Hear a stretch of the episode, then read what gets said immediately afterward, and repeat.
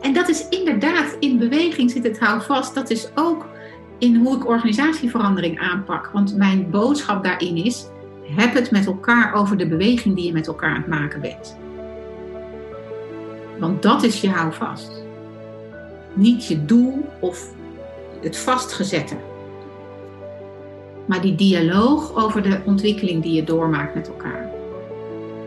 We choose to go to the moon in this decade and do the other things. Now is the time to act. Now is the time to say yes we can.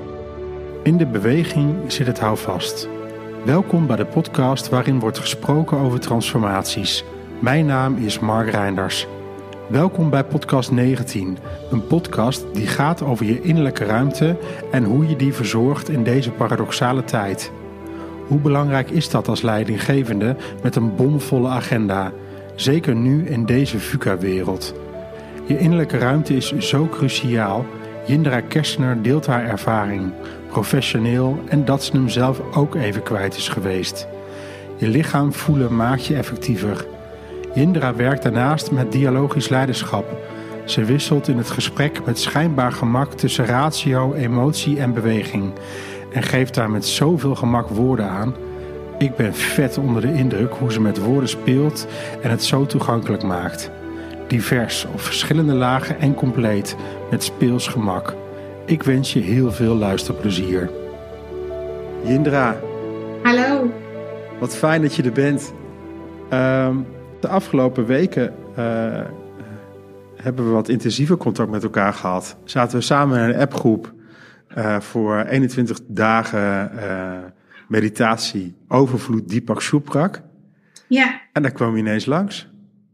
Ja, grappig hè? Hoe dan ineens de wereld zo klein is. Ja, ja, en dat is hier sowieso, vind ik hoor, op dit moment de wereld heel klein. Ik schrik er zelfs van als je dat zegt. Ja. Ja.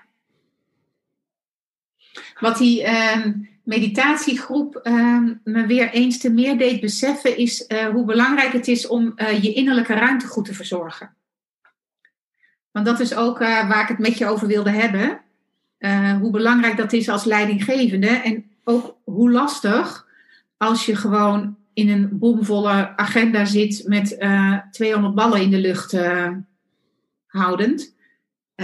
Of je nou bestuurder bent of in middelmanagement acteert. Die innerlijke ruimte is zo cruciaal. En ik heb dat eigenlijk geleerd omdat ik hem heel erg heb gekend en heel erg kwijt ben geweest. Cool. Nou, dat kwijt zijn was niet zo cool hoor. Nee, nee maar uh, weet je, dit heb ik in de aanbieding. En dat leg je zeg maar zo meteen op tafel. Ja. Waarbij je enerzijds zegt van oké, okay, weet je, die innerlijke ruimte, daar wil ik het over hebben. En ik ben hem zelf ook kwijt geweest. Ja. En dan is het zo uh, geïntegreerd compleet meteen. Ja, en dat vind ik wel heel mooi aan deze tijd. Want ik ben uh, 30 jaar geleden begonnen met uh, yoga en meditatie en dans die op persoonlijke ontwikkeling was gericht. En daar heb ik een tijdje mee gewerkt. Dus ik ben wat later het bedrijfsleven ingegaan. Uh, en ik dacht dat dat een uh, achterstand was in mijn loopbaan. Maar het bleek juist iets wat mij heel sterk maakte. Maar 30 jaar geleden of 25 jaar geleden praatte je daar niet over. Ik werkte in een ICT-organisatie, dus dat was echt not done, zeg maar.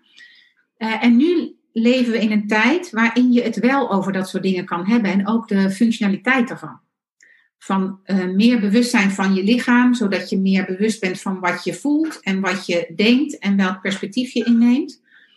Uh, en uh, daarin ook die innerlijke ruimte te maken. Ja, en ik heb het gevoel dat sowieso de persoonlijkheid op dit moment wat meer op de voorgrond komt. en dat de, de, de functie van mensen of de taak wat meer naar de achterkant gaat. Ja, omdat je dan effectiever blijkt ook. Ja, en, en deze tijd daar ook de noodzaak voor is. Wij zijn nu ook aan het beeld bellen. Ja. Uh, en, ik, en ik kom er eigenlijk achter dat er heel veel ook wegvalt, waardoor er heel veel focus is uh, met elkaar. Uh, en het beeldbellen maakt ook tot inten geeft mij heel veel intensiteit. En ook tegelijkertijd heel veel rust. Dus heel weinig prikkels. Uh, en tegelijkertijd de prikkels die wel doorkomen zijn heel geconcentreerd. Ja, als je contact houdt met je lichaam, en dat doe jij natuurlijk, Uh, want ik zie ook mensen die zich er juist in verliezen. Uh, en dan helpt het gewoon enorm om even weer verbinding te maken met je rug en je benen en hoe je ziet. Ja. Kijk naar organisaties die, bijna alle organisaties hebben te maken met snel veranderende omstandigheden, hè? wat we VUCA noemen. Um, en nu zeker natuurlijk met corona is dat eigenlijk op iedereen van toepassing, dat ineens de omgeving verandert en je moet acteren. Um, en dat je als leider uh, loop je daar tegen een aantal spanningsvelden op of tegen paradoxen op. Want wat, um, ik heb laatst het boek uh, gelezen, ik heb het nog niet helemaal uit, uh, Innovatie Jij.nu van Henk Volberda en Mengo Bosma. En ja spreker Kevin Heij heet hij. Uh, die zeggen het antwoord op uh, acteren in VUCA-omstandigheden is sociale innovatie. En sociale innovatie beschrijven zij als meer zelfsturing, meer vertrouwen, agile werken. Um, dus als leidinggever niet meer totaal in control zijn. En um, wat je dan merkt is dat leiders uh, veel meer in een aantal paradoxen terechtkomen die eigenlijk allemaal gaan over verantwoordelijkheid nemen en geven en verantwoording afleggen. Dat spanningsveld, wat je natuurlijk naar je toezichthouders hebt, maar ook wat je intern in je organisatie hebt tussen uh, managementlagen, is hoe, hoe doe je dat nou goed? Hoe geef je en vertrouwen en ben je ook in control? En hoe uh, stuur je op uh, wat er moet gebeuren, maar tegelijkertijd ook op de bedoeling en de waarde. Ja, want het is ook een, het is ook een artikel geweest van wat heeft gestaan in de Harvard Business Review. Volgens mij ook vijf of zeven paradoxen waar je als manager uh, tussen komt te zitten. Ja. Uh, en, en die is ook van een paar maanden. Maar de dingen die we hier even opnoemen, kunnen we straks ook wel in de noot zetten. Dat mensen daar nog weer wat verder naar kunnen kijken. Ja, dat is een goede. Ja, want ik weet dat dezelfde zijn, maar eentje die ik ook veel zie is enerzijds vanuit verantwoording uh, afleggen dat je stuurt op een voorspelbaar resultaat. En tegelijkertijd wil je ruimte om het onbekende te realiseren. Dat is ook zo'n spanningsveld van willen experimenteren en nieuwe dingen kunnen doen. Maar um, je wil ook zeg maar, het onder controle houden, zodat de organisatie niet omvalt. Um, en het rekening houden met dat teams toch echt hun eigen tempo en proces hebben in hoe ze zich ontwikkelen. Terwijl je ook als organisatie een soort van beweging aan het maken bent. Ja, en, en ik kom dat dan wel vaker tegen. Dat dan uh, uh, dat management zegt: van ja, maar mensen moeten het zelf doen. En dat medewerkers eigenlijk kijken en zeggen: ja, maar geef mij even guidance uh, waar ik dan naartoe moet. Dus die blijven toch in het klassieke of in een soort van paradigma hangen. Waarbij de manager dan bang is dat als hij aanwijzingen gaat geven, dat hij het dan kapot maakt wat hij eigenlijk wil installeren. Ja. Of installeren is misschien het verkeerde woord.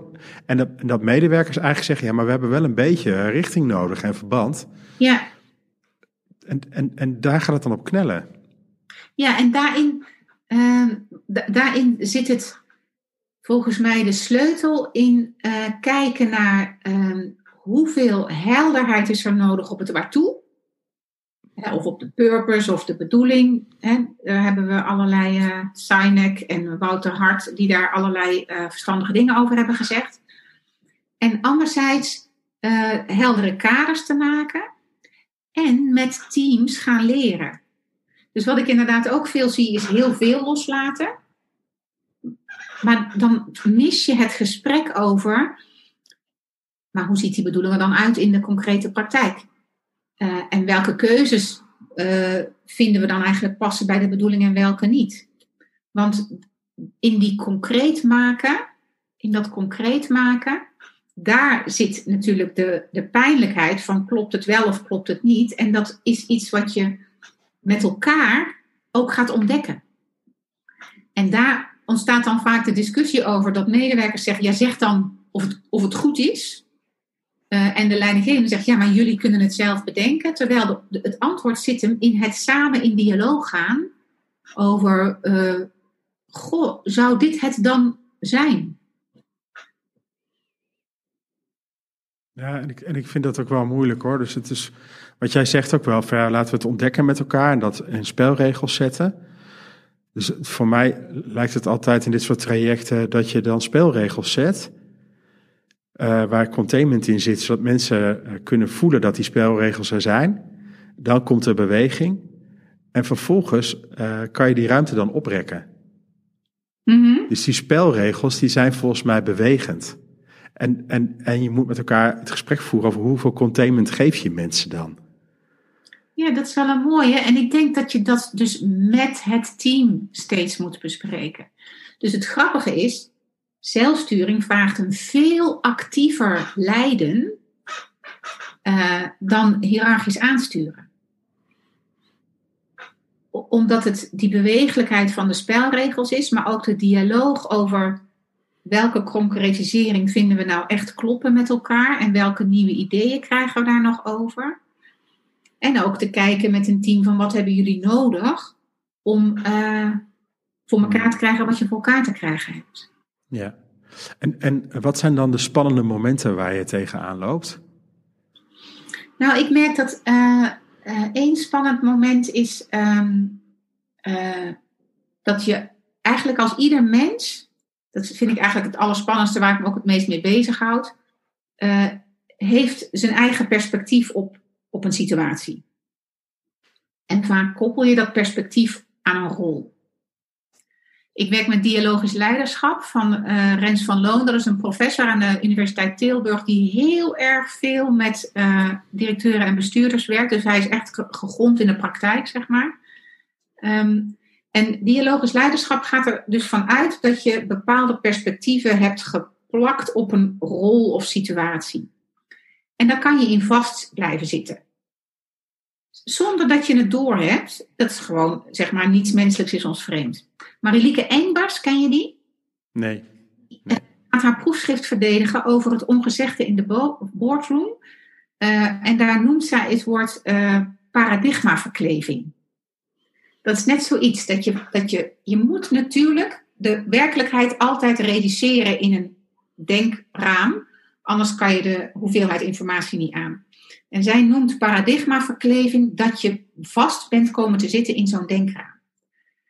Nou, en wat, hoe je daar bewust van kan zijn, is uh, wat ik in dialogisch leiderschap vind, is dat je je bewust wordt van de perspectieven die je inneemt in jezelf en hoe je daarmee in gesprek bent met anderen. Mooi. Rens van Loon noemt dat ik-posities. En wat ik er zo mooi aan vind, is dat blijkt dat mensen heel vaak wel andere perspectieven in huis hebben of andere gedragsmogelijkheden in huis hebben, maar ze niet uitoefenen in hun werk. En dan sturen we ze vaak op cursus. Ik ben onderwijskundige, ik ben trainer geweest, dus ik heb heel veel van dat soort cursussen gemaakt en gegeven. Maar in dialogisch leiderschap heb ik geleerd van heel vaak heb je het al in huis. Een mooi voorbeeld is bijvoorbeeld een bestuurder.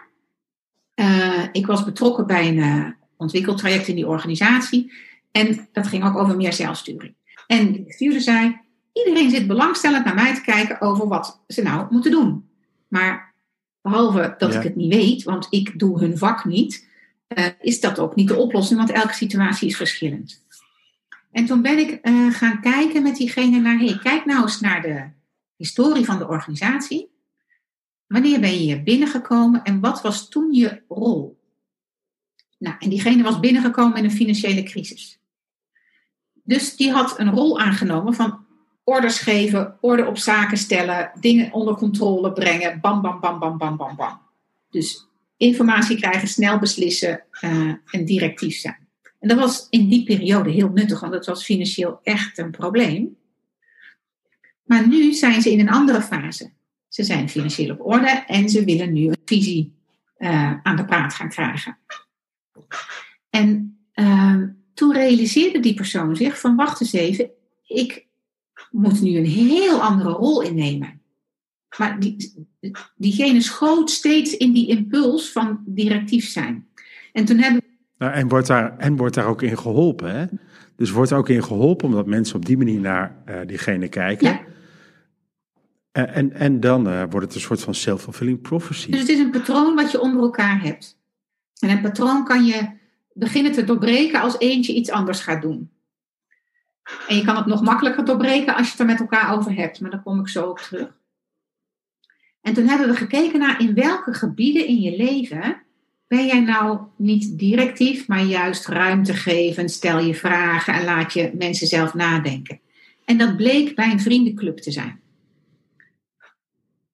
En toen hebben we gezegd van nou dan hoef je eigenlijk alleen nog maar dat perspectief van die jij in de vriendenclub af en toe erbij te zetten als jij als bestuurder. En daardoor ontstond veel meer ruimte om ook ander gedrag te zien naar medewerkers. En dat is die bestuurder toen ook gaan bespreken met uh, de leidinggevende in de organisatie. Van jongens, dit is mijn patroon. Jullie mogen daar iets van zeggen. En ik vind het ook prettig als jullie kijken naar jullie aandeel in deze interactie. Uh, zodat we samen niet alleen weten wat we willen bereiken, hè, die visie op het omgaan met de cliënten, maar ook welke interactie tussen ons ons daarbij gaat helpen.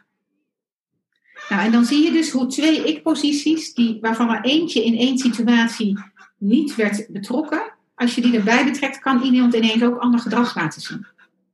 Ja, briljant. Maar wat een briljante oplossing om mensen terug te laten zoeken in hun leven. En dan te zeggen, oh ja, waar heb je dan gedrag wat je zou willen uh, internaliseren? Ja. Of tenminste niet internaliseren, maar wat je meer wil laten zien. In een andere situatie. In een andere situatie, ja, want het is beschikbaar. Ja. ja, dus ik vind dat echt, iedere keer ben ik bijna weer verrast als ik zo'n dialogisch leiderschapstraject met mensen doe. Want ik werk het ook uit hè, op één of twee A4'tjes. Uh, en dan zie je dus al die ik-posities en de gedragsstijlen die je in die ik-posities doet en waar je dus verbindingen wil gaan leggen. Ja. En het tweede belangrijke wat je dan doet, is doordat je je niet meer helemaal identificeert met één zo'n ik-positie, ontstaat er ook meer innerlijke ruimte. En daar zit, behalve dat je dan veel rust in jezelf vindt en je ook makkelijker kan opladen, daar zit ook uh, het vermogen om te schakelen. Het vermogen om te zien, hé, hey, wacht eens even, ik zit nou wel heel erg door te denderen in één perspectief. Bijvoorbeeld in die perspectief uh, of die paradigmaverkleving waar Mar Marieke het over heeft. Dat kan je ook voelen in je lijf bijna. Ik laat mensen ook um, uh, fysieke houdingen aannemen bij een bepaalde ik-positie. Waardoor ze gaan herkennen, hé, hey, als ik zo zit of zo sta, dan zit ik eigenlijk in één perspectief uh, vast. En als ik dan even letterlijk een stapje naar achteren doe, dan kan ik er even uitstappen. Om ja. te kijken. Ja, en, dit is, en, en ik probeer zeg maar altijd wat meer artefacten ook toe te voegen. Mm. Waardoor mensen er ook steeds weer mee in aanraking komen. En dan kan ik altijd alleen maar het beste zelf vanuit mezelf vertellen. Yeah. Dus ik heb bijvoorbeeld net weer met uh, een groep gewerkt, twee dagen. Yeah. Uh, en toen dacht ik, oh, het gaat niet over mijn steen uh, laten glanzen, uh, maar de steen van anderen. Dus ik had gewoon een hele simpele steen van een, ergens van een grindpad opgepakt. En dat had ik gewoon op mijn bureau gelegd. En elke keer naast mijn muis, dan zag ik hem weer dat ik, oh ja, het gaat, over, het gaat niet over mij, maar het gaat over andere mensen laten glanzen. Ja, dat noemen we in de dialogisch leiderschap symbolen in het zelfverhaal. Jemig man. Ja. Wat een rijke taal heb je toch? Wat zeg je? Wat een rijke taal heb je toch? Ja, nee, dat noemen we in het dialogisch leiderschap. noemen we dat, uh, wat, je, wat je net zegt, weet je. En dat vind ik mooi, dat je zoveel verschillende talen hebt. En wat jij net ook vertelde natuurlijk over die vriendenclub. Uh, voor mij is dat systemisch. Mm -hmm. Dus niet alleen in je eigen leven, maar en zit in mijn familie natuurlijk ook genen waar ik op terug kan vallen. Ja. Uh, maar ik heb bijvoorbeeld ook iemand die ik goed ken, die heet Freek. Uh, en Freek is uh, best wel een ruwe bolster, blanke pit. En als ik dan denk, ah oh ja, ik ben best wel een beetje op harmonie gericht. En af en toe is het gewoon nodig om even een Freekje te doen. En dan trek ik Freek zo aan tafel, eventjes zo met de stoel erbij. En dan zeg ik, ah, dan denk ik bij mezelf, oh, wat zou Freek zeggen? En dan komt hij gewoon uh, vanuit Freek. Ja. ja, dus dan heb je eigenlijk ook zo'n ik-positie gevormd. Ja, maar dan is het meer een, een, een, een wij-positie van buitenaf. Mm -hmm. Uh, terwijl het natuurlijk ook interessant is om hem veel meer uh, te bekijken vanuit mijn eigen historie. Waar, heb ik, waar ben ik er wel in geslaagd om tjuk, tjuk, tjuk te doen? Ja. Want dan zit het al in mij. Ja, ja en die, die ik-posities die worden ook gevormd in interactie met anderen.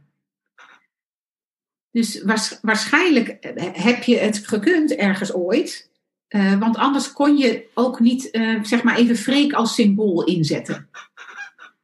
Ja, ja, ja, ja, ja. Ja, ja freek is voor mij nog geen excuus.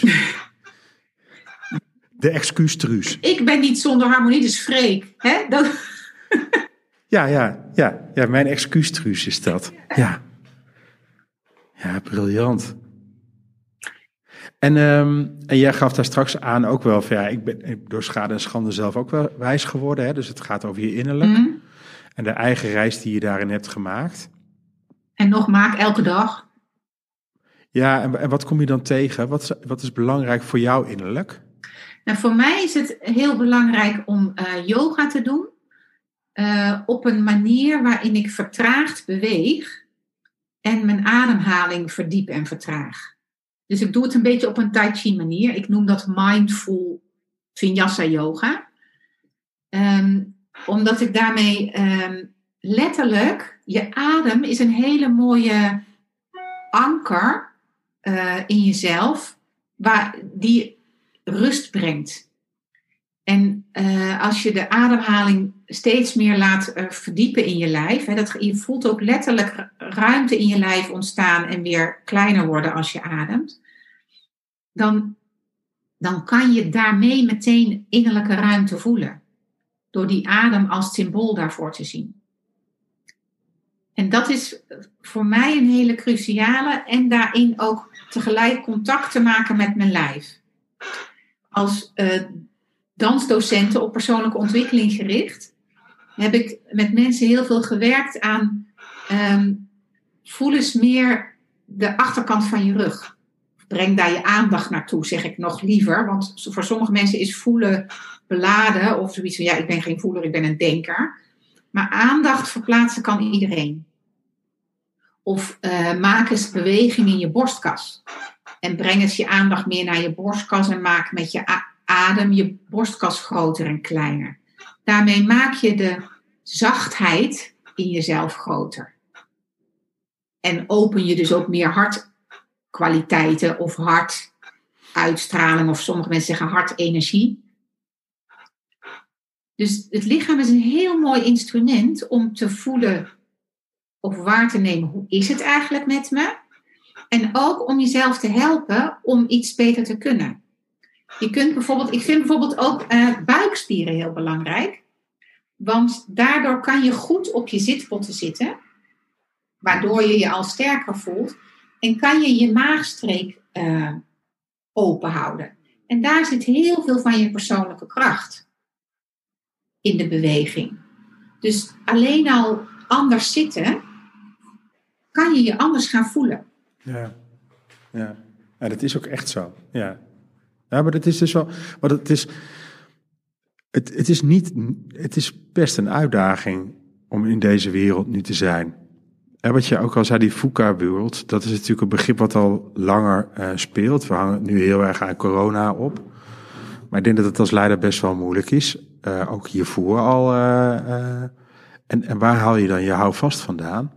En, en je maakt het zo concreet door bezig te zijn met je houding, met, je, met, je- met meerdere perspectieven, eh, te zorgen dat die paradigmaverkleving, dat je daar eh, bewust van bent. En, en, als je dat, en als je dat op, kan je dat ook opbossen? Dus daarmee bedoel ik, als je het nou bundelt in een team, kan je dan ook zeggen, volgens de, achter, de, de, eh, de achterkant van je rug van het team of zo? Of hoe doe je dit dan? Wat, wat maak je dan visueel? Ja, dus ik heb wel, ik was, ik ben zelfstandige hè? en ik doe leiderschapsontwikkeling gericht op organisatieontwikkeling en ik ben af en toe interim, omdat ik ook zelf in de wind wil blijven staan. Eh, dus vorig schooljaar was ik HR-directeur bij het Summa College en MBO. En daar begon ik ook af en toe een vergadering met een beetje yoga. Eh, of letterlijk even rustig zitten. Dat doe ik ook in individuele gesprekken met mensen. Eh, want het is heel eenvoudig. En je doet daarmee iets met elkaar. En ook met de sfeer en de aandacht die je met elkaar hebt. Ik ga volgende week eh, met eh agile coaches eh, aan de slag. En heb ik ook met de opdrachtgever afgesproken. we gaan ook een beetje bewegen en meditatie doen. En wat is de beweging die je nu maakt met je hoofd? Ehm, nou, ik, ik maak hem eigenlijk met mijn borstbeen. Dus dat ik, ehm, ik word blij van wat ik vertel en vind het een beetje, Ja, ja. ja. Dus ik ga open en weg. Ja, maar dat is natuurlijk ook wel hartstikke leuk om dat soort dingen te doen. Ik heb, nou, ik heb een paar jaar geleden met de finance team gezeten. En ik dacht, oh, dit zijn financials. Weet je, als ik praat, ga praten over gevoel, dan eh, gaat het niet goed. En het was een tweedaagse.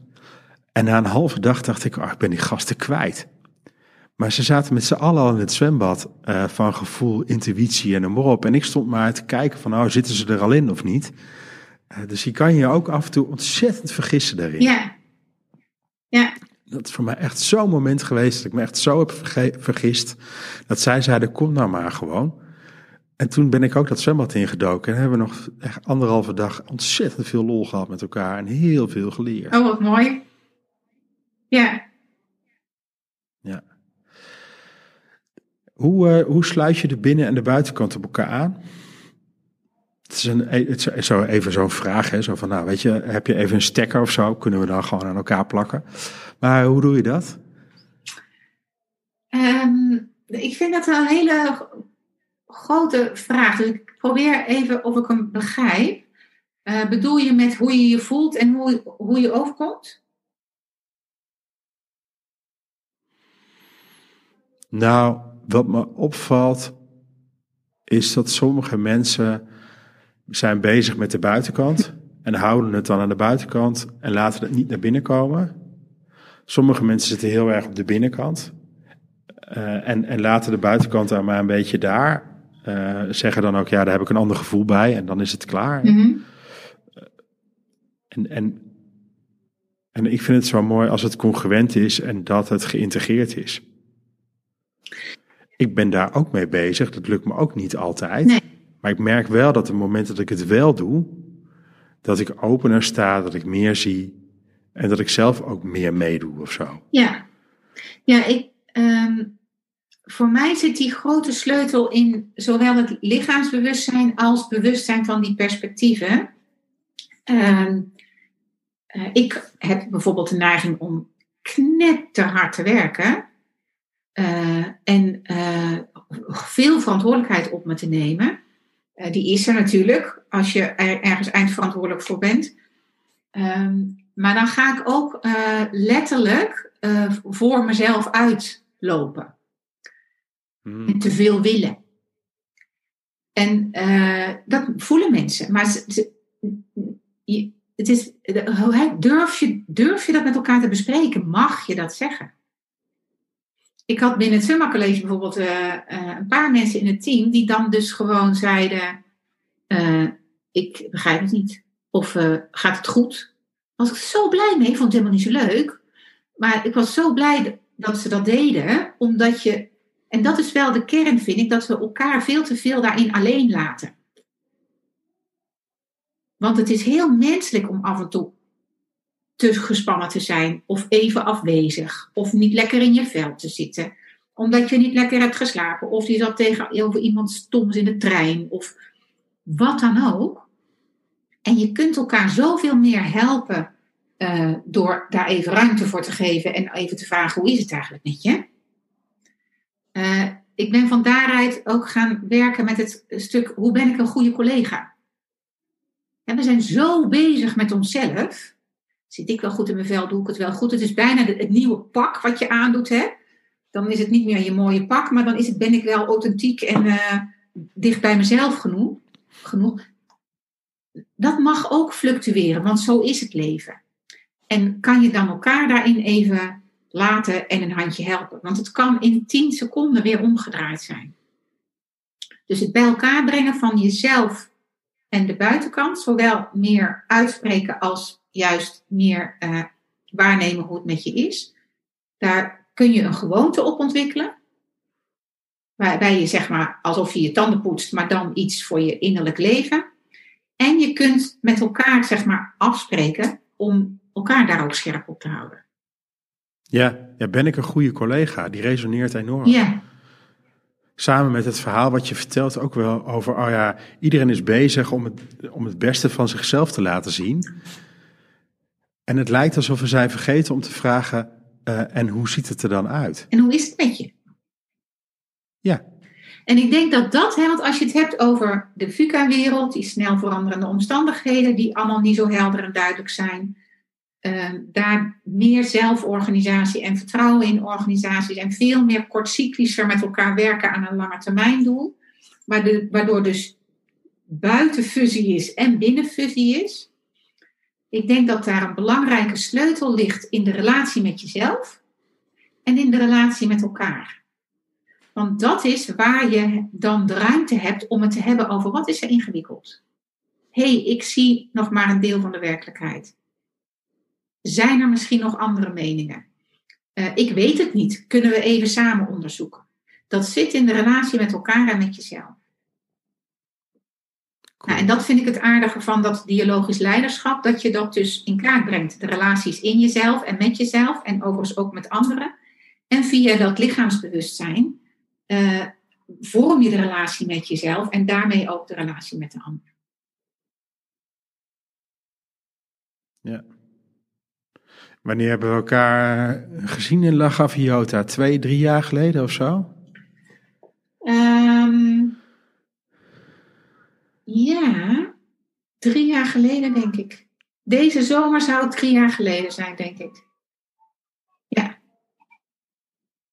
Ja, en wat, en wat maken we mooie reizen dan vanaf badslippers naar waar we nu staan, hè? ja, want ik deed ook nog yoga naast de tent, hè? Dat deed ik heel vroeg. Volgens mij zag jij dat nooit. Nee, lag ik nog te slapen. ja, ja, of ik was op het strand aan het mediteren, dat kan ook wel. Maar het is wel alsof er meer ruimte is om dat soort dingen te vertellen. Ja. Um, en, en, en het lijkt alsof je minder glazig bent. Drie jaar geleden uh, was het nog een beetje glazig. Ik weet niet hoe ik dat kan noemen, maar nu staat er veel meer uh, ja, body of zo. Nou, ik zat dan ook, denk ik, uh, ik was toen nog in dienst. Maar dit heeft natuurlijk, ik vind het best wel een klus hoor, om als zelfstandige je eigen boodschap of je profiel scherp te hebben. Ik ben zo breed georiënteerd en geïnteresseerd. Uh, dat heeft me, heeft me ook echt wel een tijd gekost om daar, uh, wat is nou mijn verhaal? Daarom vond ik het ook zo leuk, die podcast van je. Ik dacht, uh, oké, dat gaan we doen. Ja, en daar heb je je overheen gezet. En, en ik kijk, als ik het eventjes terugspoel, dan denk ik, jee, het is echt zo'n rijk verhaal met zoveel rijke woorden. Uh, en het zet je echt heel mooi neer. Ja, want het blijkt dus dat, of blijkt, ik heb uh, ruim 25 jaar geleden in de opleiding gezeten bij de voorloper van dialogisch leiderschap.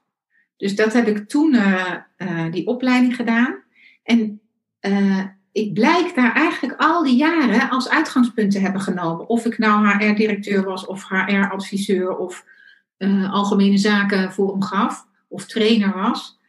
En nu uh, heb ik dan, zeg maar, ben ik weer opnieuw door de molen gehaald om te kijken of ik zeg maar, nu uh, nog steeds geschikt was.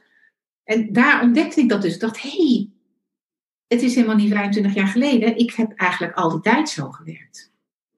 Het was gewoon thuiskomen? Ja, het was gewoon thuiskomen, ja. En waar kom je dan bij thuis? Nou, bij een taal en sleutel om elke leven concreet en praktisch te maken, waardoor je er ook wat mee kan. Ja, ja want dat, dat, ik, dat vind ik echt het gave ervan. Wat je neerzet, ik kan het voelen, ik kan het ervaren, ik kan het zien, ik kan erover denken. Dus er zijn allerlei systemen in mij die uh, aanraken. En ik vind het heel knap dat je die dus uh, allemaal raakt. Ben je daar bewust van? Nee.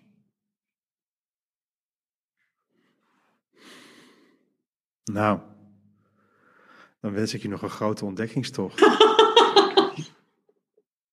Misschien is dat de danser. Ik praat uh, met mijn ledematen en hoe, wat ik voel. Ja, en ik merk dus inderdaad in het gesprek ook dat ik heel erg ook met je mee ga doen, ook in de beweging. En mensen kunnen dat niet zien, hè, want mensen zien ons niet op de video, maar ik merk dat ik veel meer beweeg en dat er meer meedoet. Ja, grappig. Ja. Als danser uh, op zo'n podium in je eentje eh, dan moet je er echt zijn. Anders is het niet interessant om naar te kijken. Dan wordt het een kunstje. En waar zit dan je houvast? In mijn lijf, in, in mijn lichaam. Dus ik was altijd heel zenuwachtig voordat ik op moest. Maar ik was natuurlijk toen ook zo getraind in dat lijf voelen. eh, dat, ik, dat ik zo mijn plek eh, vond. En als ik eenmaal bewoog, dan, dan was het niet meer eng. Dan was ik het aan het doen en aan het zijn. Dus in de beweging zit de houvast. Ja, in het lichaam. Mooi. Ja. Volgens mij hebben we nu de titel van de podcast. Ja. nou, mooi. En dat is inderdaad, in beweging zit het houvast. Dat is ook in hoe ik organisatieverandering aanpak. Want mijn boodschap daarin is, heb het met elkaar over de beweging die je met elkaar aan het maken bent. Want dat is je houvast. Niet je doel of het vastgezette. Maar die dialoog over de ontwikkeling die je doormaakt met elkaar. Super. Ik ga je heel erg bedanken voor dit gesprek. Jij ook? En de beweging die je in mij maakt. Ja, ik vond het uh, leuk, inspirerend ook. Om Goed samen zo. over te praten. Tot in de toekomst. Oké, dag. Dank voor het luisteren naar deze aflevering. Wil je geen aflevering missen? Abonneer je dan. Via www.overtransformaties.nl kan je je inschrijven voor de podcast alert. Bij nieuwe afleveringen krijg je dan een bericht. Daarnaast zullen we via de podcast alert aanvullende content verspreiden. Nogmaals dank voor het luisteren en tot de volgende aflevering.